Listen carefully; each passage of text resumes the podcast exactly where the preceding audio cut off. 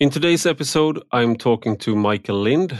He's a writer and academic and the author of many books, such as The New Class War Saving Democracy from the Metropolitan Elite from 2020, which I highly recommend. His latest book just came out and it's called Hell to Pay How the Suppression of Wages is Destroying America. Today, we're mainly discussing the themes of these two books how a democratic pluralism has been replaced by technocratic neoliberalism, about the overclass, which comprises about 15% of the population but amass almost all power today. How come there are so many working poor in the United States and why welfare isn't helping the problem?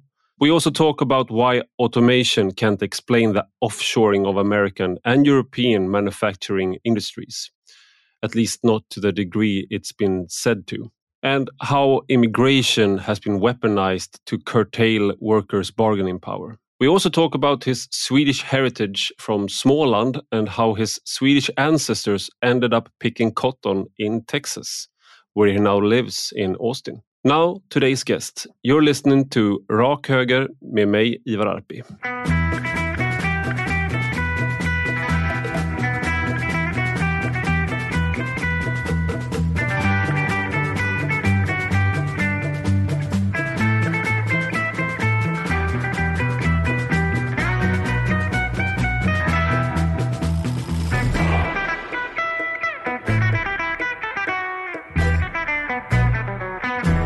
Welcome, Michael Lind, to Rak Höger. Well, thank you. Uh, so, uh, it's a pleasure to have you on, and it's a, especially a pleasure because I found out when we uh, emailed each other that you actually uh, you're a Swede, or at least part Swede. Well, I'm half Swedish in descent. My great grandparents on the my father's side were uh, poor uh, peasants who immigrated from Småland mm. after, after the Civil War and uh, ended up picking cotton in uh, central Texas uh, because uh, there was a group of Smålanders who were brought in uh, by a, a, businessman, Swedish businessman named Swenson, who hmm. opposed slavery. And so rather than have African American slaves pick cotton on his farm, he brought in his fellow Swedes. Uh, and then after they did their terms as indentured servants for uh, seven years or so, they pooled their money and they bought uh, small cotton farms of their own. So mm. my grandparents and great uncles and great aunts all grew up picking cotton in, in central Texas, uh, attending the Swedish church. A lot of them spoke Swedish and uh, subscribed to the Texas Posten, a Swedish newspaper that lasted until the 1970s. And then uh, the the cotton farms all went bankrupt in the Great Depression, so they uh, moved to the city of Austin and became blue collar working class people, janitors and gas station attendants and so on. My father was the first in his uh, Swedish family to go to the university. He became a lawyer, so I grew up in a, a middle class environment. But I, I learned a few uh, Swedish words growing up. In fact, uh, my Swedish great aunts used to take care of my brother and me, uh, and mm. we hmm. developed a distinct Swedish accent. Instead of asking for yellow jelly, we would ask for jello jelly. ah, okay. so your your family was basically part of the whole Dust Bowl era, where where uh, a lot of small small farmers uh, had to move. Many moved to California, famously in John Steinbeck's Grapes of Wrath, but some apparently moved to Austin, Texas as well. Yes, that's right. Although they were right on, on the outside of uh, Austin, Texas, so it wasn't uh, a large move. One of my previous books I co authored with an economist named Robert D. Atkinson, who formerly worked in the Clinton administration, is entitled mm. Big is Beautiful debunking the myth of small business. And even yeah. though I come from small farmers and small ranchers and, and small uh, grocers, just the evidence shows that small businesses are much more likely to fail than large ones, and uh, the workers are paid less and, in general, treated more poorly. So there's a great deal of hmm. romanticism about small farms and small business. Certainly, in the case of my family, uh, it, it's not justified. Yeah, I feel like this is a, a subject of uh, another podcast, maybe because I'm uh, I'm guilty as charged. I I, I highly romanticize uh, small farms and uh, and the like, uh, but it depends on what you want to accomplish uh, in your life. But I I, I think we'll jump into the the main subject of, of, of this talk, and I, I would like to begin with your not the most recent, but the the next the next recent, the, the second most recent book of yours, which is the new class war: saving democracy from the metropolitan elite.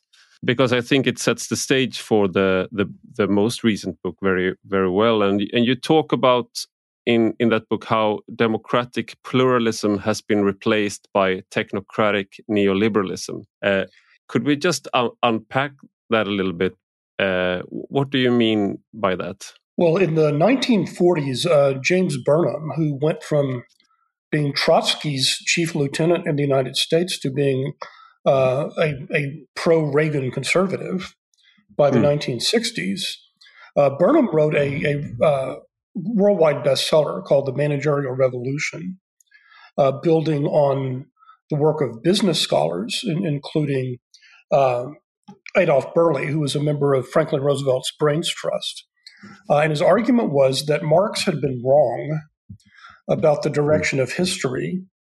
Uh, the bourgeois era, the era of small proprietors, was indeed disappearing, but it was not going to be replaced by socialism was going to be replaced by managerialism, which, in Burnham's view, was not simply managerial capitalism, but it was large bureaucratic organizations of all kinds, including military and nonprofits and uh, civil servants.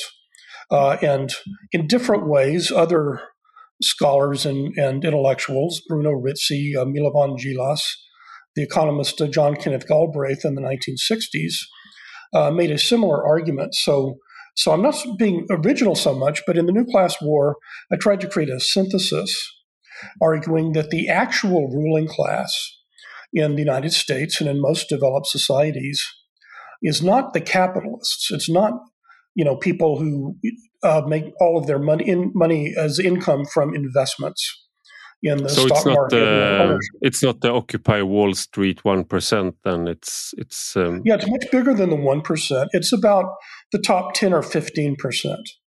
Uh, hmm. Those with uh, college degrees, and particularly with uh, graduate and professional degrees in the United States, it differs by country. But the the key to power in modern uh, managerial societies is not how much money you personally have. You can be influential, like Elon Musk, if you have a lot of mm. money, but most of the powerful people derive their power from their their function in a large bureaucracy, be it mm. the civil service or uh, a large corporate where, where you're a CEO or a large uh, bank or a hmm. large mm. university. So, uh, my argument in the New Class War is that the West has its own version of the nomenklatura. That was the name of the members of the Communist Party, which in Russia and China were never more than about uh, a fraction of the population. Uh, now, hmm. that doesn't mean, I, I, got a lot of pushback, particularly from Marxists on this. They'd say, well, but how can you say, uh, you know, professors and civil servants and middle managers at corporations are the ruling class. You know, they compared to Bill Gates or somebody like that. Uh, hmm. Well, the answer is that that group to which I belong, uh, uh, I'm a member of what I call the managerial professional overclass in my book, The New uh, Class War. Yeah. The top 10% in the United States owns 50% of the hmm. stocks and bonds and of all wealth. Uh, the 1% uh, above us, and the uh, the ninety percent below us own the rest, own the other half. Mm. So, uh, and the other problem with this one percent theory is uh, this classical Marxism. Uh, most rich capitalists, uh, and particularly in the United States, where our intellectual property laws allow you to get rich from corporate inventions to a degree that does not exist in Japan, for example. So you don't have Japanese Bill Gateses and Japanese Elon Musk's. The, cor- the corporation gets the royalties from the patents. Uh, but yeah. most of these people, if you look at Gates, at Zuckerberg, at uh, uh, Musk was born rich. He's an exception. He's South African, but most of them were not born into the capitalist class. They were born to. They had very prosperous, educated parents who were ordinary professionals. Hmm. So uh, I argue that apart from a few heirs and heiresses, we really don't have a capitalist class that is distinct from the professional class below it. What we have is a dominant professional and managerial class, some of whose members, like Bill Gates and uh, Mark Zuckerberg, uh, luck out and they get rich, but they mm. weren't born. So this is is this the reason why you use the word overclass instead of upper class because upper class has the connotation of i mean 19th century bourgeoisie with uh, top hats and uh, like a certain yeah, lifestyle. Exactly, exactly. Uh, uh, so overclass is a term, it had been floating around, but I popularized it in my first book back in 1995, The Next American Nation, uh, mainly because I got tired of saying managerial professional elite all the time. but, but, but, that's what I mean. It, it's people yeah. with uh, advanced educations, which uh, who have powerful positions in large public, private, and nonprofit bureaucracies, but who were not born to rich parents and don't hunt foxes like the English aristocracy. And no. the young women do not have debutante balls and so on. But I mean, I was born in 1982 and uh, became an adult during the uh, heyday of Blair and um, the equivalent in in Sweden, Göran Persson and uh, Bill Clinton. And and what was told uh, then and was like the, the consensus i would say in in uh, the broader society was that you just get an education and then you uh, you get ahead. So what we need is just if people are getting stuck or industries disappearing overseas or automation is taking over certain industries just get an education. And what we need is upward mobility and that will sort of solve it. But and that was basically like what we need is meritocracy and the brilliant will rise and uh, regardless of their class background race gender but was that consensus wrong or i mean i know i know the answer because i've read your books but i'll, I'll let you answer the question well the united states and and sweden and all uh, western uh, democracies have become much more meritocratic. That's a good thing. Uh, we don't have hmm. formal mm. racial discrimination or sex discrimination uh, anymore. Uh, but but the entire story is fundamentally misleading in several respects. So let's look at the narrative that it replaced. So from the 1930s up until the 1980s and 90s, we had uh, the New Deal consensus in the United States. It was similar to the social democratic consensus in Sweden from the 30s to the 70s. The basic idea was not that uh, if you were a working class, your children had to be professionals. That was not the idea uh, in, in Europe or in the US. The idea was there was nothing wrong with being working class. You didn't have to go to college. As a result of technology driven economic growth, uh, goods would get cheaper and work hours would get shorter and wages would rise. So, hmm. you know, the, the working class grandfather uh, and, and grandparents would have one car, and then their uh, grand their children would have two cars uh, and a slightly bigger house, and then their grandchildren would have flying cars and a robot. So yeah. that was kind of the mid-century social democratic vision. Uh, the neoliberal vision that succeeded it was uh, that success is measured not in terms of an ever rising standard of living and ever shrinking work hours and ever rising wages, but in terms of actually moving from the working class out of the working class. So implicitly being a working class person is now redefined as failures. To succeed, you must be a doctor or a lawyer or uh, a business executive. Hmm. Uh, the problem with that is uh, there aren't that many jobs for doctors and lawyers and business executives compared to janitors and gas station attendants and um, uh, restaurant cooks. Uh, in the hmm. United States, according to the Bureau of Labor Statistics, a federal agency, none of the jobs that have the top uh, of, of, the top 10 jobs with the most job creation in the next 10 years requires any education beyond mm. uh, high school, what we call high school, except for two registered nurse and store manager, but all of the rest, uh, which are mostly uh, healthcare jobs, uh, retail jobs, restaurant workers, you know, things like that. And these are perfectly respectable jobs. They're just paid very poorly uh, in yeah. the United States and uh, and in some other countries. And the reason they are paid poorly, and that is the theme of my recent book, uh, Hell to Pay, is not because these uh, folks don't have educations. They have all the education they need to be a janitor or a home mm. health aide. Uh, they're paid poorly because they don't have bargaining power uh, with mm. employers, and the main source of bargaining power is collective bargaining. It's a unionization.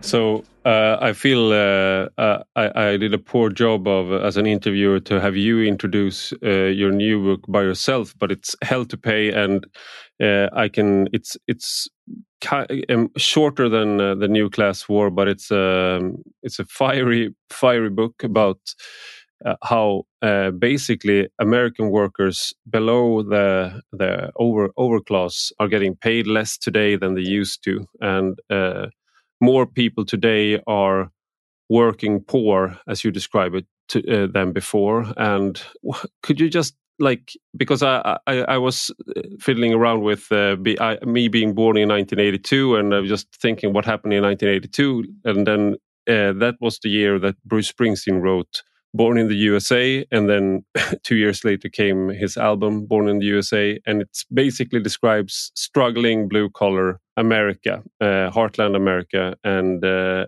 if you like think about the themes uh, in, in, his very like everybody here in Sweden and in the United States, of course, knows his songs. And you count like okay, you, that was 1984, 1980s, and you count uh, 40 years in to our day, and you describe it in Hell to Pay very starkly that it hasn't really like the people in his songs they are not uh, they haven't gotten much better off. They have gotten worse off even than in those songs.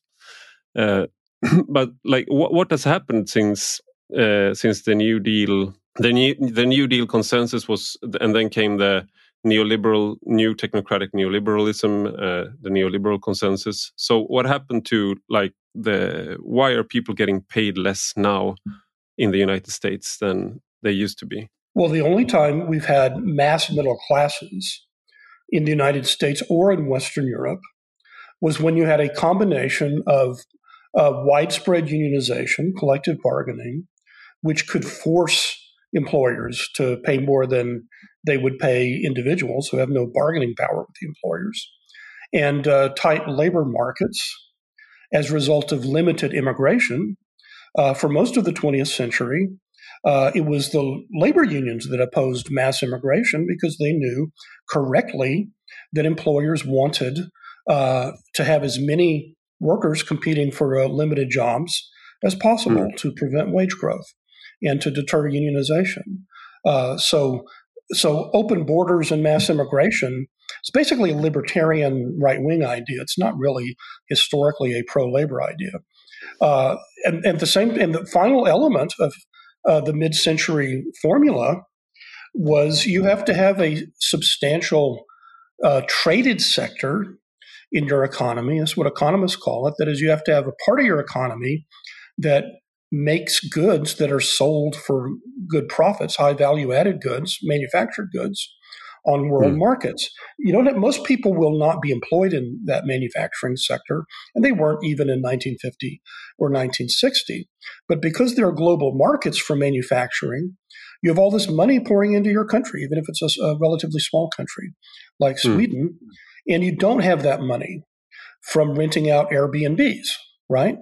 Uh, yeah. Because if you just have purely local markets, then then your prospects for uh, economic growth are limited. So having a manufacturing sector, any manufacturing sector, regardless of what you manufacture in your country, uh, brings in uh, money from the rest of the world. So what we have done is we basically dismantled uh, those three elements. Uh, uh, corporations have been allowed to transfer much production to low wage companies to you know take care of the the the bit lower their their business costs by lowering the wages uh, they pay foreign workers. Uh, you've had in some cases mercantilist regimes like China, which don't play by liberal capitalist rules, have wiped out industries in the U.S. and Europe by subsidized uh, competition, mass immigration, as opposed to selective immigration. You know, having limited immigration of talented people, uh, of humanitarian refugees, that's all very good. Uh, mm. But you really cannot have an advanced high wage welfare state with uh, uh, enormous numbers of poor illiterate people, including most of my ancestors when they moved to the United States. They did hey, not don't, move. Don't talk, don't talk like that about Swedes. well, no, mine were very poor, uh, uneducated Swedes, but they mm. didn't move to the U.S. when it was a high wage, uh, high tax welfare state, and and you get a mm. backlash, uh, as we see now everywhere from the populist right uh, hmm. against mm. this. Uh, and finally, uh, I you know I we, we assume that unions are a thing of the past, but in the absence of some kind of collective bargaining, workers really have no power to demand higher wages in most sectors which are dominated by one or a few big companies, which are, and they're always going to be dominated by a few big companies in sectors with increasing returns to scale, like manufacturing. You hmm. can't have lots of little tiny mother and mom and pop uh, air, aircraft companies and automobile companies. These are huge corporations. Mm. In the United States, uh, a majority of Americans works for a company with more than 500 employees. So when you say that, like this 500 worker company is engaged in bargaining over wages with a single worker, that's just a joke. There's no bargain there. It's just take it or leave it. The worker has no bargaining power. So, as yeah. unpopular as it seems, you really have to combine things which nowadays are thought of as left wing and right wing, in my view, to have a mass middle class, like we did in the middle of the 20th century. You have to have limits on immigration. You can have generous immigration policy, but you can't let mm. employers use it to suppress wages. Uh, you have to have limits on trade of some mm. kind. Now, you want access to global markets, but not at the expense of losing all of your own domestic industries.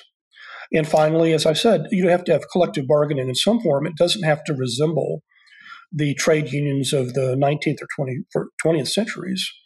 But those are the three elements collective bargaining, strategic trade, and uh, limits uh, on low wage immigration. So, in of, of, course, the situation is in Sweden is is very different. We have still have uh, powerful unions, even though they are less powerful today than they used to be, but still the salaries are bargained between the employers and the employees, like the unions and the employer organizations.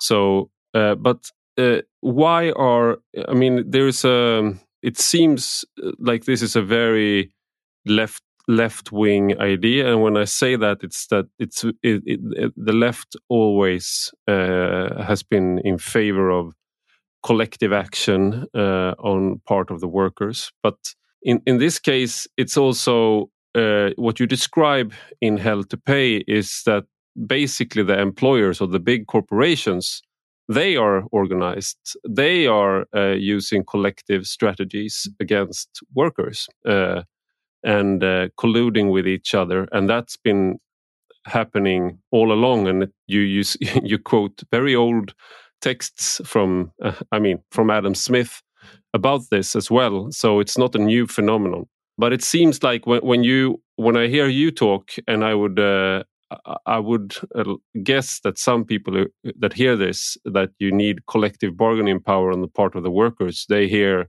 uh, something that sounds very left wing, but when you you read your descriptions of all the strategies that corporations are using to uh, hold down the wages of, of workers and also uh, make it harder for wor workers to to uh, to bargain, for example, by switching jobs between to a competitor. Then uh, that that reaction, that knee jerk reaction, is, not present in the same way. And uh, like, if you, if you were supposed to be angry at uh, workers unionizing or having collective bargain, bargaining power, why why don't you have like an outcry about corporations colluding with each other in the same way? Well, well, that's a good point. As you point out, there are three beneficiaries from the profits of a private corporation. There are the shareholders, uh, and they act collectively. The, you know, they they the shareholders appoint the board of directors in, in the U.S. They have a committee that you know they work as a group to increase their profits. There are the managers, the CEO and the CEO's deputies, who obviously work as a coordinated group, even if there are hundreds of them. But then you say, "Oh, hmm. workers, you know, this is this is terrible that like the workers can pool their efforts, like the managers and the shareholders." Uh, hmm. Well, you know, uh, a, a, lot of this is simply explained by the fact uh, that I go into uh, in my book, The New Class War, that the mm. institutions that used to represent the interests and values of the working class in the US and, and many similar countries, uh, not just the trade unions, but also uh, churches, which were very important in politics in, in, many Western countries half a century ago, uh, and on the right, on the left as well as on the right, uh, and uh, political parties that genuinely were accountable hmm. to working class people. Uh, in the United States, the Democratic and Republican parties up until the 1970s were federations of state and local parties.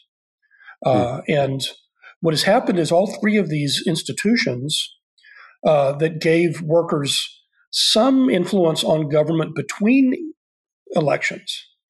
And that's when the policymaking is done. It's done between elections. So it's not just a matter of gathering together votes, but uh, organized groups influence policy between the elections.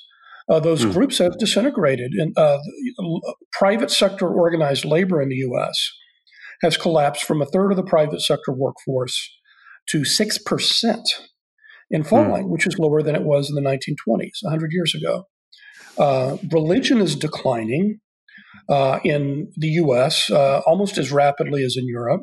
Now, I, this may be a long-term social trend. I'm I don't I'm not saying it's good or bad, but it does remove another institution that deals with working class people every Sunday hmm. or or uh, you know on a Saturday in the case of of uh, Jewish people. Uh, hmm. And finally, local parties. There's a difference between countries. For example, uh, so the parties in Europe are stronger than they are in the United States. At this point, the state and local parties have ceased to exist. The, the Democratic and hmm. Republican parties are just labels that mm. that are bought by groups of politicians and and their billionaire backers and and business lobbies. So, for example, Donald Trump was a Democrat most of his life. Apparently, he gave money to Democrats. He then tried and failed to take over Ross Perot's Reform Party in the year 2000. Uh, mm. And then he took over the Republican Party and became its nominee and president. So, yeah. so in the absence of these intermediate groups that can represent their their views and their economic interests, you don't. It's not a. It's not a conspiracy. I'm not saying the overclass is some kind of conspiratorial uh, cabal. Uh, it's just that there's no uh, external balance. So this is the where the democratic pluralism uh, in, comes in. That's in uh, that you describe in the new class war, like.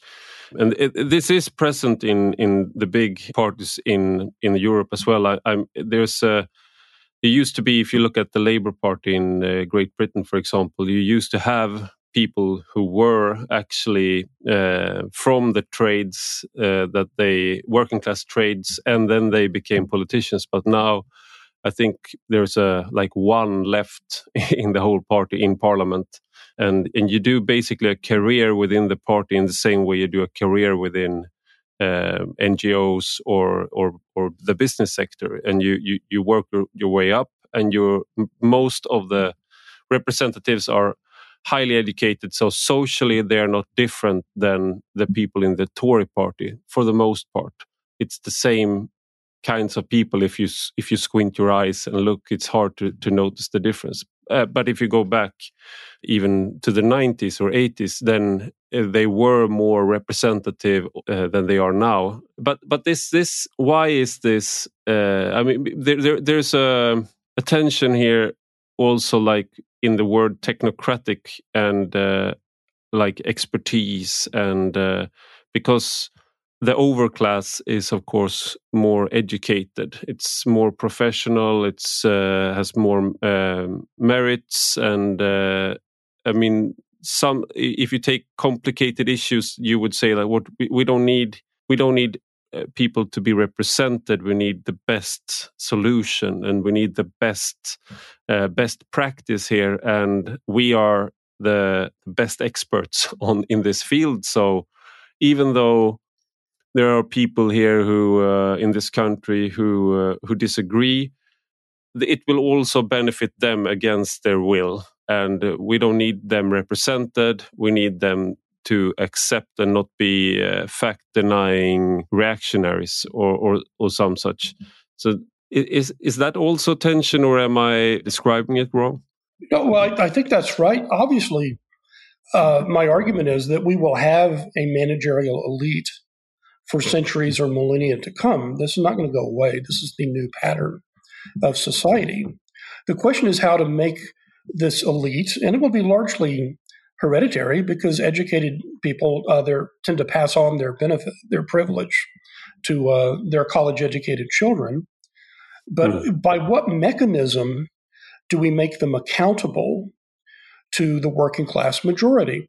Now, a lot of them, they don't want to be accountable. They say, well, we're educated, and therefore we know what is best for the mm. working class, not only in terms of uh, narrow technical policies, but in terms of what they should or should not want.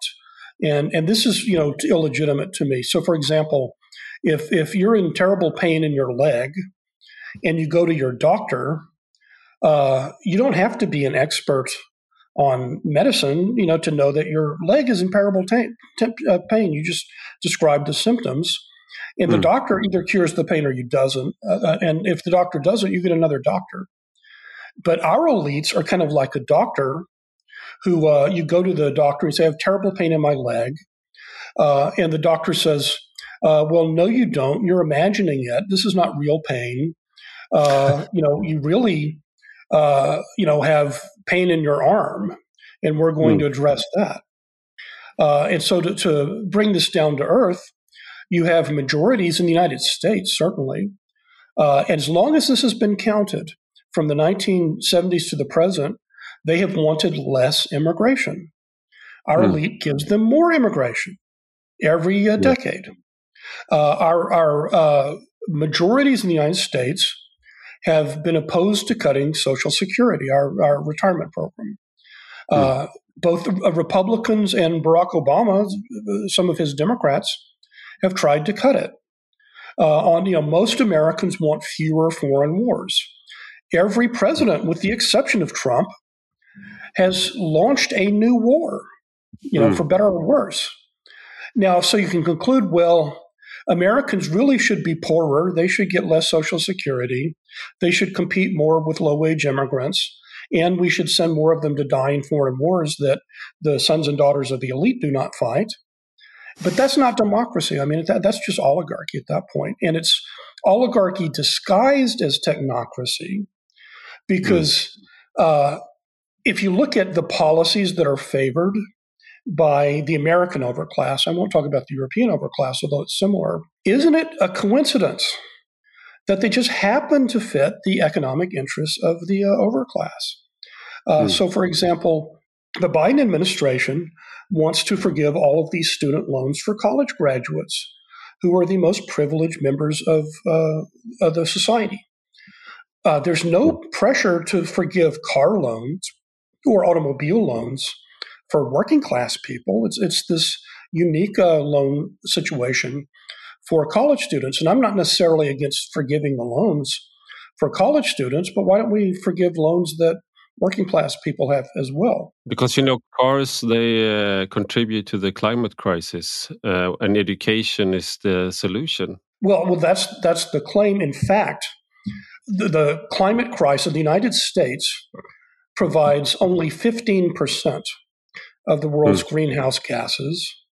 Countries like Sweden and Britain and France and Denmark are not even on the map. There's no point for uh, small, medium, and small countries uh, that contribute to 0.001% of greenhouse gases to you know think they're going to save the planet. Basically, it's China and India. Uh, you know, if you get them from burning coal to mm. cleaner methods, that you know that's it.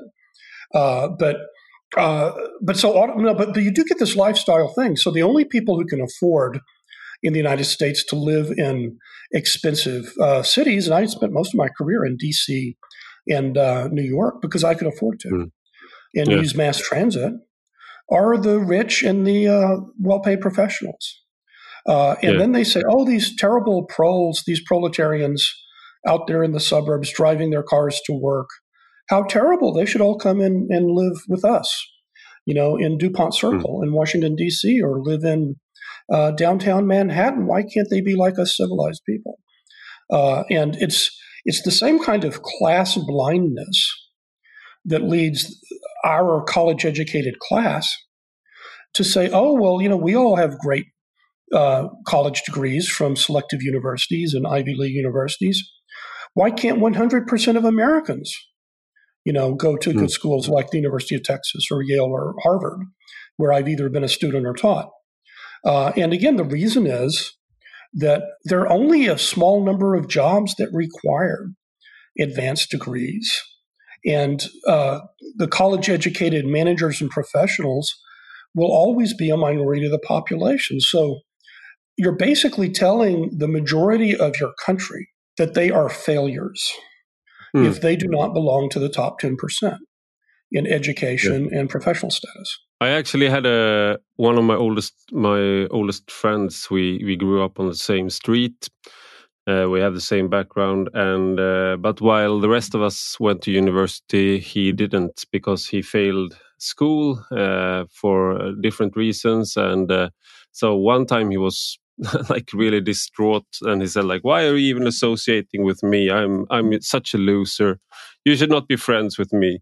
And i mean it, eh, it, it, that that kind of shame that i mean he was doing uh, i mean he was in the military he was a nurse he's a nurse so he was doing good good jobs. I mean jobs that are needed it's just not uh, being such a very important person like myself recording podcasts and writing texts.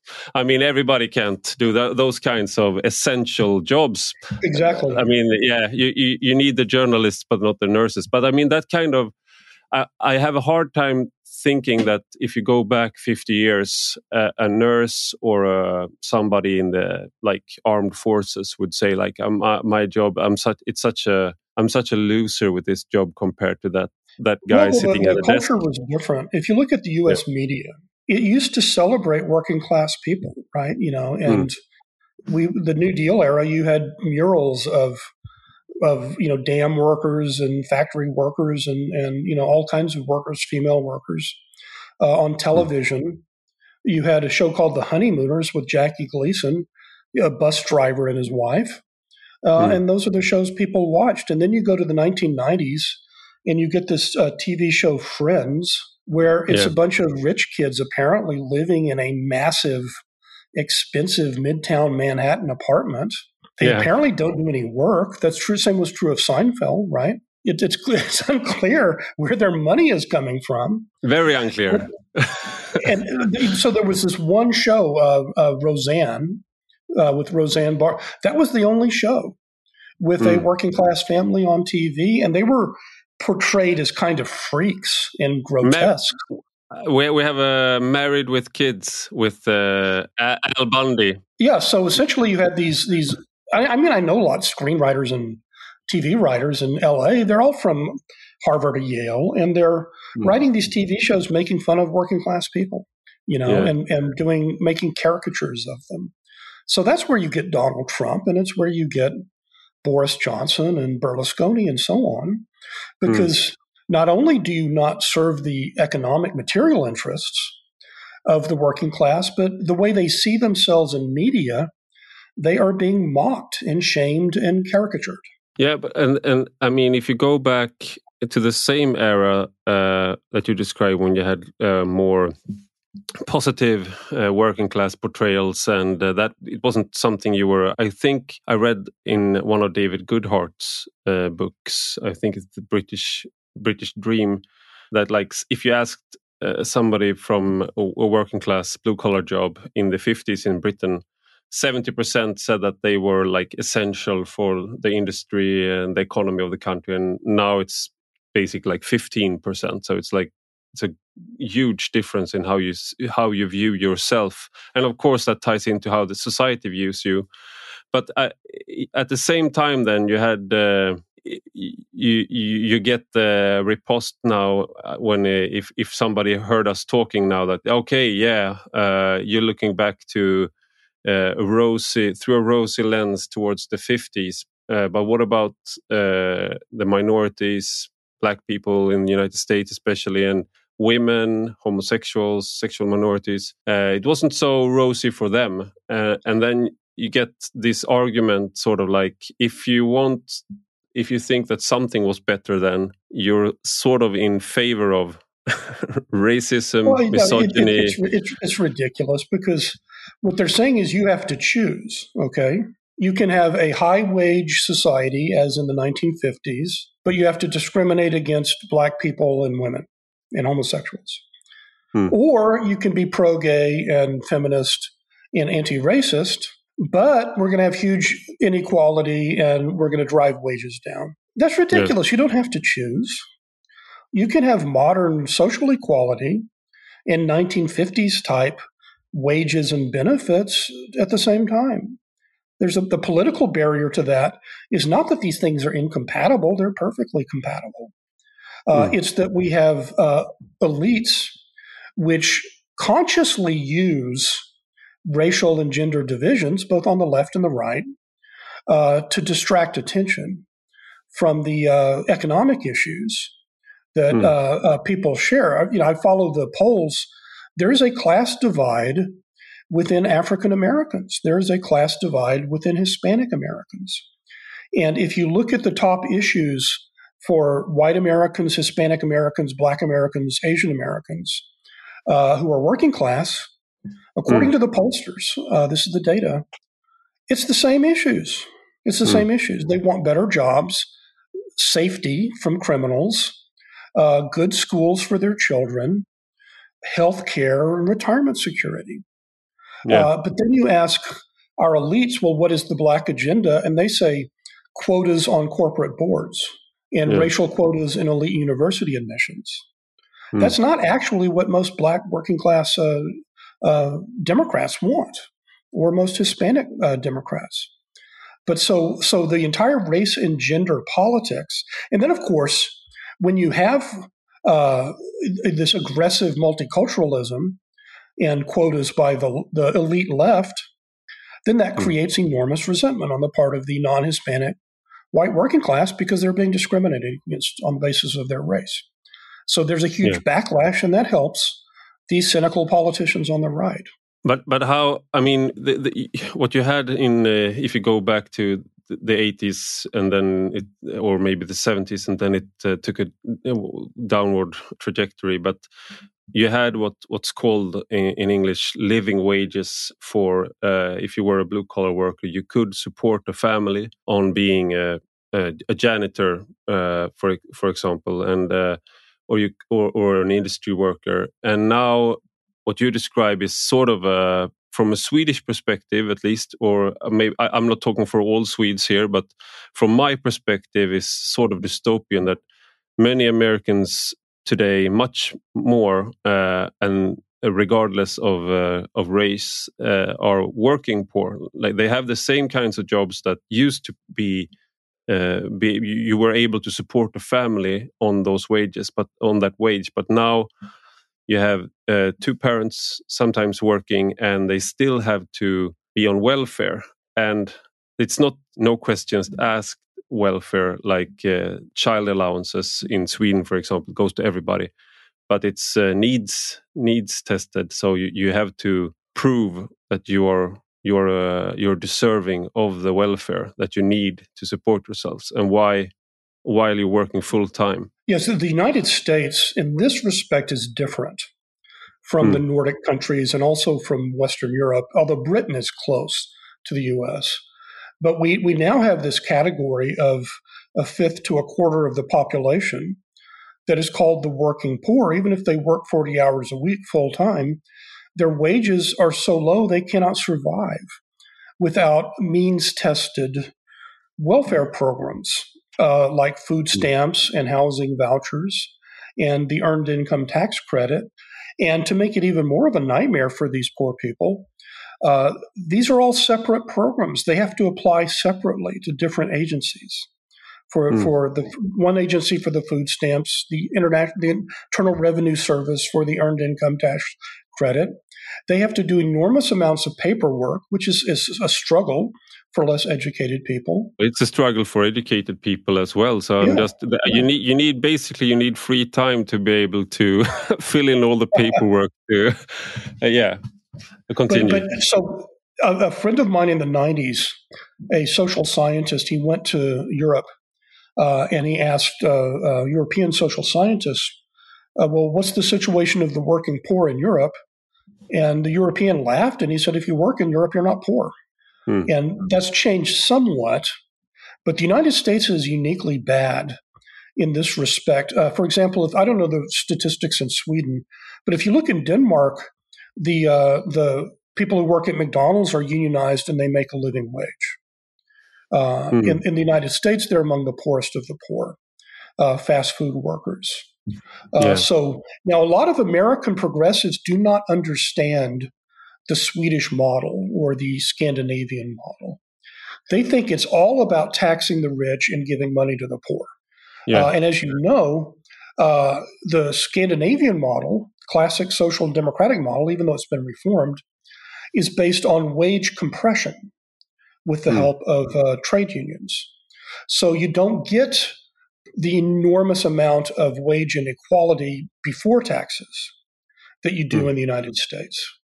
And the problem is when you get, uh, like the United States at this point is more like a Central American country, like Honduras or Guatemala in its inequality. When you get mm. that level of inequality in wages, it is simply impossible politically to tax the rich in order to redistribute income to the poor. So that's why I uh, really emphasize the role of collective bargaining to decrease the wage gap between the rich and the poor. And also, as you know, uh, to have a generous welfare social insurance system, to have a universal social insurance system, as in Sweden and other Scandinavian countries, uh, mm. that's paid for at least partly by payroll taxes, you have to have fairly well paid workers. Yeah. Because uh, for the payroll tax revenue to support the universal programs. And if the workers are too poor, then their payroll taxes don't amount to much money. And you have to have giant, crippling uh, uh, taxes on the rich, which, being powerful, they can easily evade. Mm. in the case of, of Sweden, they will leave the country, like Ingmar Bergman, right? He was a tax expatriate. Yeah, so uh, Peter, Peter yeah. Lindert, who is a Swedish American scholar, who was former head of the American Economics Association, uh, he, he, wrote a paper pointing out that Sweden decided in the 1970s to support its uh, generous uh, social insurance system, not by overtaxing the rich, but by having broad based taxes like the, the VAT, the value added tax, and payroll yeah. taxes, right? Yeah. The challenge in Sweden is now that we have we have a highly uh, unionized uh, job market, but uh, we have very because of like many of the work uh, jobs that are being offered are uh, you, you need skills and you can debate how much skills you really need for some of these jobs. Like you the the employers can pick and choose sometimes and they they they tend to favor uh, highly educated workers even though it's might not be uh, the best fit but that's the case. And then you have we have had a very large migration to sweden and with the least skilled least educated people of, of, of, of the groups of immigrants of all western countries. So we if you look at like ethnic swedes and skilled immigrants then we have basically no unemployment and uh, schools are working fine. Uh, but because of the share of the population of uh, people with uh, very few skills and some can't read or, or write. And that, that, that problem is much bigger in sweden than in comparable countries. And we have a much bigger share of our population that's uh, immigrants. Then now we have like the uh, the conflict between indigenous workers that are uh, and also uh, earlier waves of migration that's been more integrated. Conflict between them their interests and their bargaining power and like the interests of uh, people who can work for much less and who can uh, compete could compete maybe. That's the challenge in we have a big shadow economy as well like restaurants and uh, the the building industry like um, building of houses and like you, you there it's not as uh, well functioning anymore. And so but that's a, a bit different from uh, the challenges in the united states i would say no, but you, you see, you see, one one challenge that is shared is if you bring in lots of unskilled immigrant workers, uh, expanding the labor force, it reduces the incentive of employers to invest in labor saving technology, to hmm. turn mm. to innovative uh, technology, so that you can pay workers more while still producing as much or more than you produced before. And you can actually get backward technological evolution. Uh, uh, we have seen this in both Britain and the United States with uh, car washes. Mm. so most car washes in the United States are automated. Uh, but in places with high levels of poor immigrants, such as uh, New York City, we, there's mm. been a reversion to hand car washes uh, mm. because there were so many Latin American immigrants they were called car washeros, a sort of uh, Spanish yeah. word.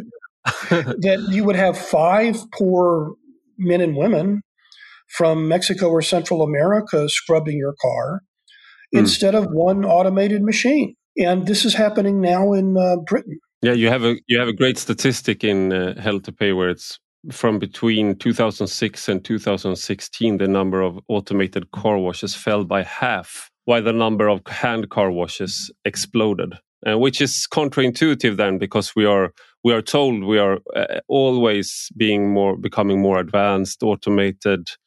Uh, robots are being be, becoming better, and uh, but if it's cheap enough, apparently you can replace robots with uh, workers. Yeah, so I, I live in a suburb of Austin, Texas, where I grew up. They're just gangs of Mexican and Central American uh, lawn uh, guys and, and uh, gardeners mm. cutting the grass uh, because of the available a, pool of uh, immigrant labor. Now, when I was yeah. a kid, it was, it was very low immigration period, so people cut their own grass with increasingly sophisticated lawnmowers. And certainly, I would have thought as a child that in Austin in the nineteen in the twenty twenties we mm. would have robot lawnmowers but there's no demand for robot lawnmowers. There's there's no consumer demand. People are cheaper. We have um, here in, in, in Europe, at least when I, where I when I grew up, you and in, in many parts of Europe, especially Eastern Europe, you have uh, the indigenous population or the majority population. They are uh, in every class of people, so they are the, they are the overclass, middle class, and the working class. If you go to Finland, for example, uh, you will find Finns working as cleaners in hotels and in in cafeterias and in um, of course there's immigrants but much fewer but if you have a cleaner in your corporation or clean then everybody is uh, has a darker complexion than the journalists working there. So I worked at a big paper. Uh, I used to work at Svenska Dagbladet. So, like everybody of us who was sitting at a desk writing important, very important words, uh, were most of us at least were uh, white ethnic Swedes, and everybody who was cleaning were from either a Middle Eastern, Latin American, Eastern European, or an African country, and that's basically like all this, like all the, the jobs that don't require high high skills have become uh, sort of an ethnic marker in in Sweden. So you, well, I, I was born into Texas in 1962. It was still segregated for two yeah. more years. It was a caste system with black labor under whites, including white hmm. labor. Mm. The last few times I've been to Europe, to Rome, to London, and Paris, all of the cleaners and the maids in my hotels have been black African immigrants. Yeah. And all of their bosses have not. Exactly. And I, so I've told my friends, it's like Europe is turning into the old South, right? yes, that's a very provocative statement, but I, I, I find it uh, to be true and it's uh, I don't like it. I, I have a very hard time hiring. Well, I, I feel like I feel like Southern uh, an American like plantation lord or something when you hire and everybody who's supposed to do the manual labor for you are, are recently arrived from Africa. It feels wrong to me. Uh, and I, I, I, understand the argument that it's better for them. It's better for people to have a job than not have a job. That's what my my friends who who don't have the same problem tell me, uh, and that I have a strange middle class um, uh, shame of buying services.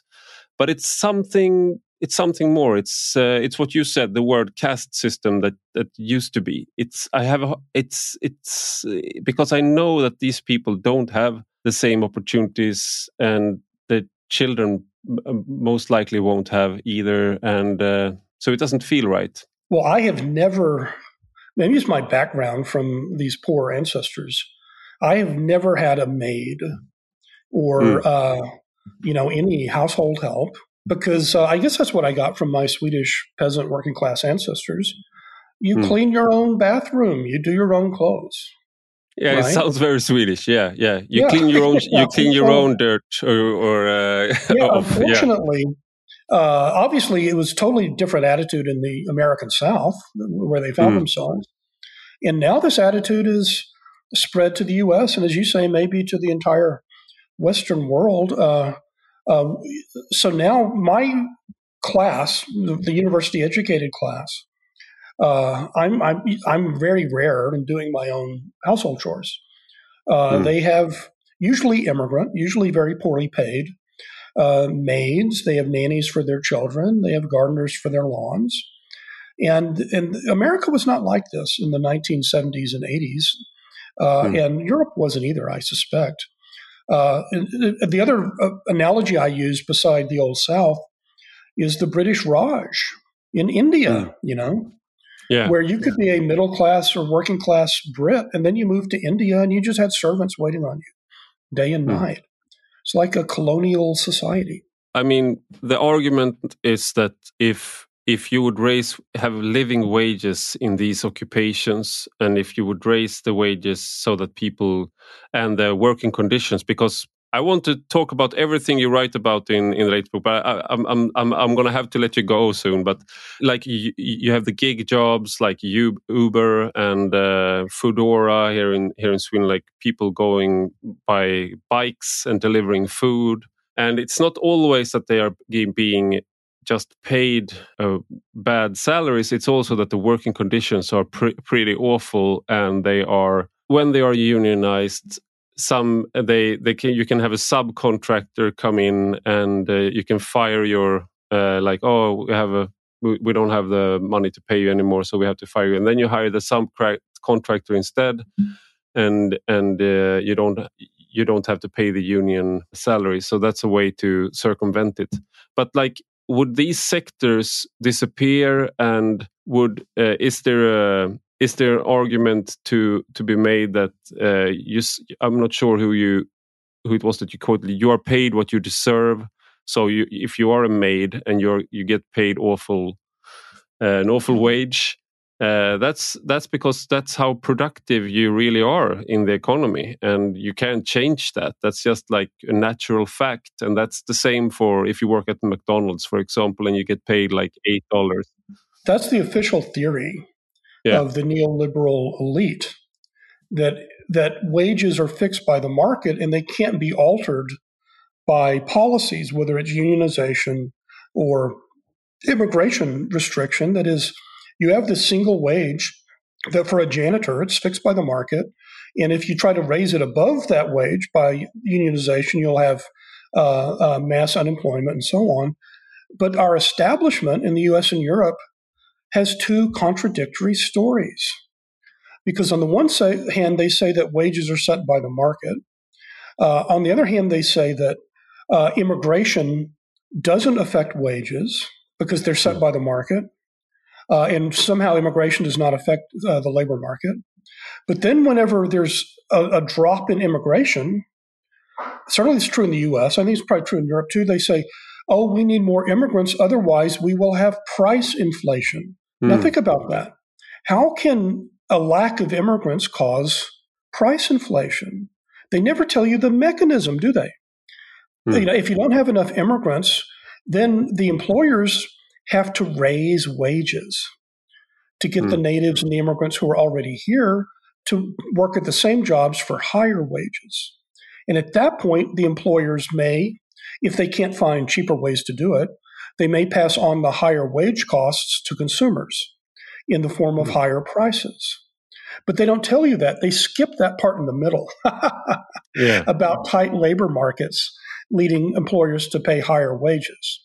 But they say this again and again. You must have seen this.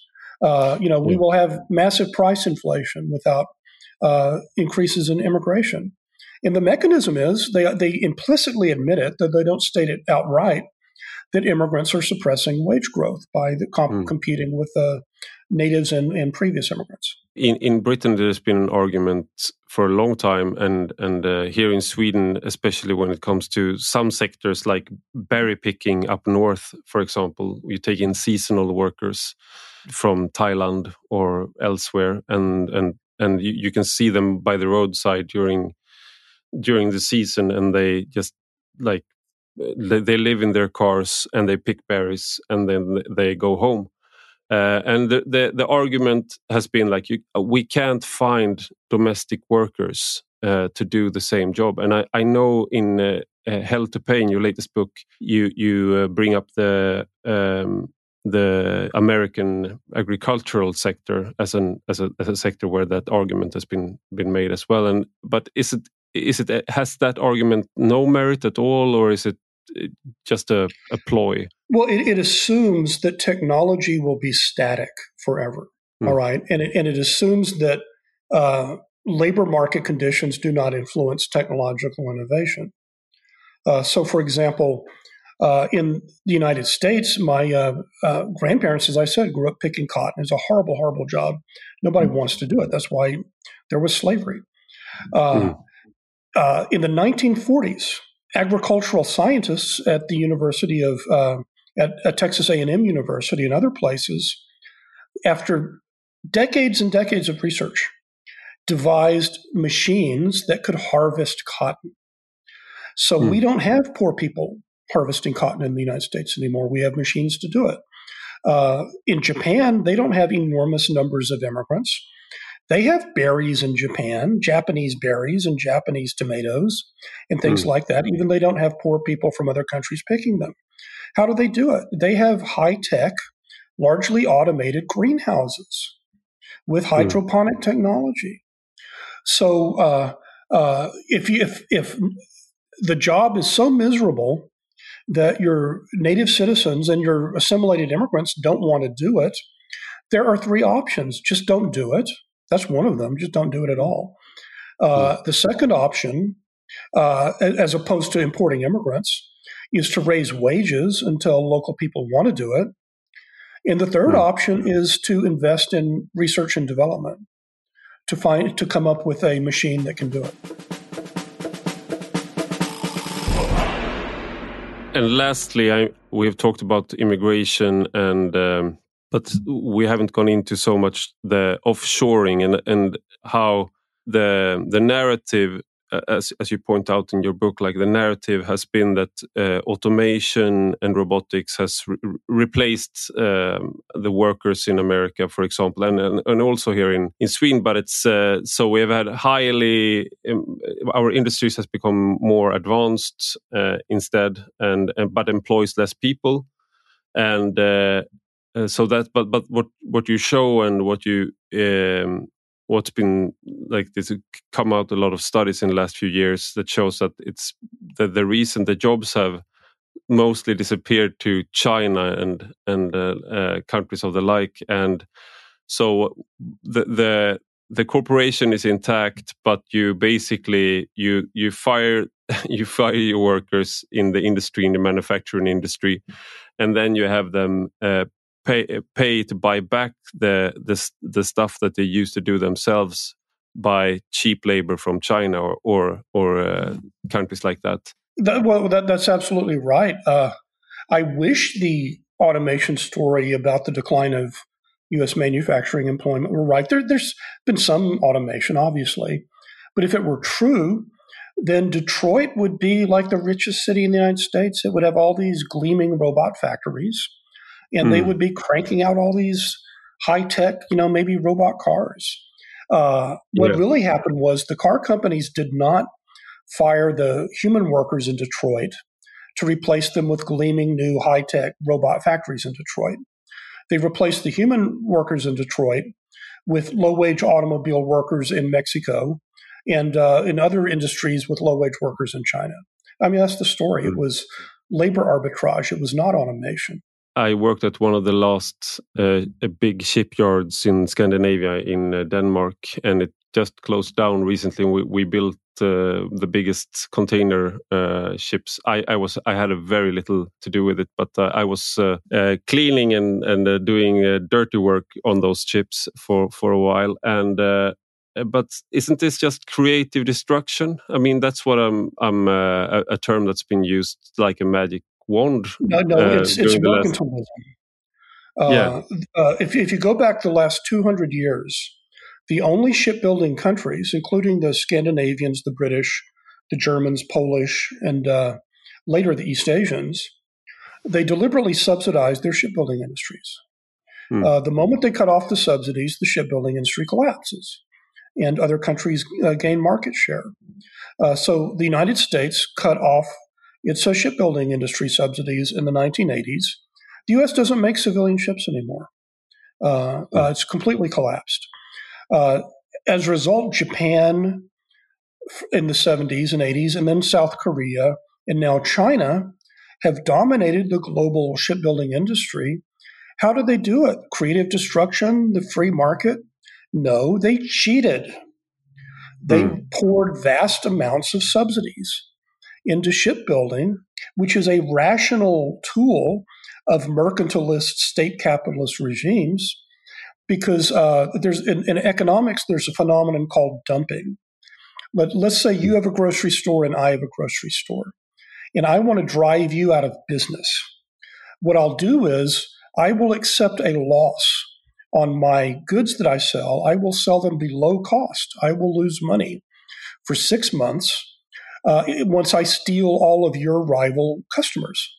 And once all of your customers come over to mine for the low prices, then your grocery store goes out of business. And at that point, guess what? I have a monopoly and I can raise prices hmm. uh, and recoup all of my cost. So, and this is true increasingly in a global economy of, uh, of every major manufacturing industry.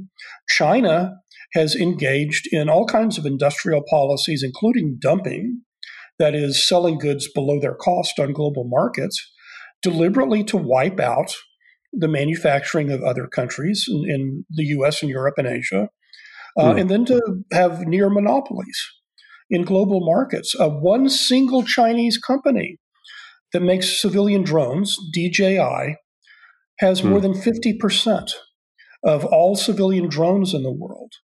Uh, this is a hmm. technology that was invented in Nazi Germany and has been developed in the U.S. But on, on and so the Chinese growth in market share, part of it is simply development of China. That would have happened anyway because they have a larger domestic home market. Hmm. But most of it is not capitalism. It's it's uh, cheating. It, it's uh, mercantilism. So I just want to end with uh, sort of a very broad question, but this does your arguments and, and, and your your thoughts on this have any traction within the mainstream politics in the US? Because uh, some of it sounds uh, more like Bernie Sanders, uh, and some of it sounds perhaps more like Donald Trump. But as you as you point out in, in your book, Joe Biden and some of the more libertarian leaning or main mainline Republicans they have they don't uh, think like this. But how how how has your argument been received by the? Is there any hope for this? well, well, there's a group of uh, uh, post-liberal uh, thinkers on the Republican right, populists, mm. including Senators uh, Josh Hawley and Marco Rubio, who has come out in favor of trade unions in some cases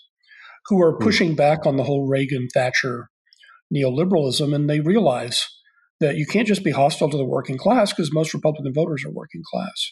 But they're still a minority. The Republican Party is still very much dominated by Reagan free market ideologues. Unfortunately, you know, there's also sympathy for some of these ideas uh, in the Democratic Party, but the Bernie Sanders classical social democratic wing is declining. Uh, mm-hmm. And the other problem with them is they're very good on pro labor policies and, and universal social insurance. But the Democrats are absolutely terrified of criticizing not only mass low wage immigration for fear that other Democrats will call them racists, but mm. even now, even opposing uh, trade sanctions on China is being denounced by some on the left as racist and hmm. anti-Asian, which is ridiculous. You know, uh, uh, to yeah. call retaliating against an authoritarian police state racist, but mm. but so uh, I think in the long term, uh, you will see elements in both the Democratic Party and the Republican Party can get behind something like the agenda I've set forth, and in Congress, if not in the White House, they can mm. collaborate on some reforms across party lines. Let's let's hope that that is what will happen. Thank you Michael Lind for being part of Rak Höger. Tack så mycket. Och stort tack till dig som har lyssnat. Gå gärna in och skriv en recension på Apple Podcasts eller i den app där du lyssnar på podden. Och detta är alltså en del av en större publikation på Substack med samma namn som podden. Och den som prenumererar där kan även ta del av de texter jag skriver. Gillar man det man läser och hör får man gärna bli betalande prenumerant för 5 euro i månaden eller 50 om året. Då får man ta del av lite exklusivt extra material också. Du hittar rubbet på ivararpi.se. Och har du några frågor eller synpunkter kan du alltid mejla mig på ivararpi Vi hörs igen.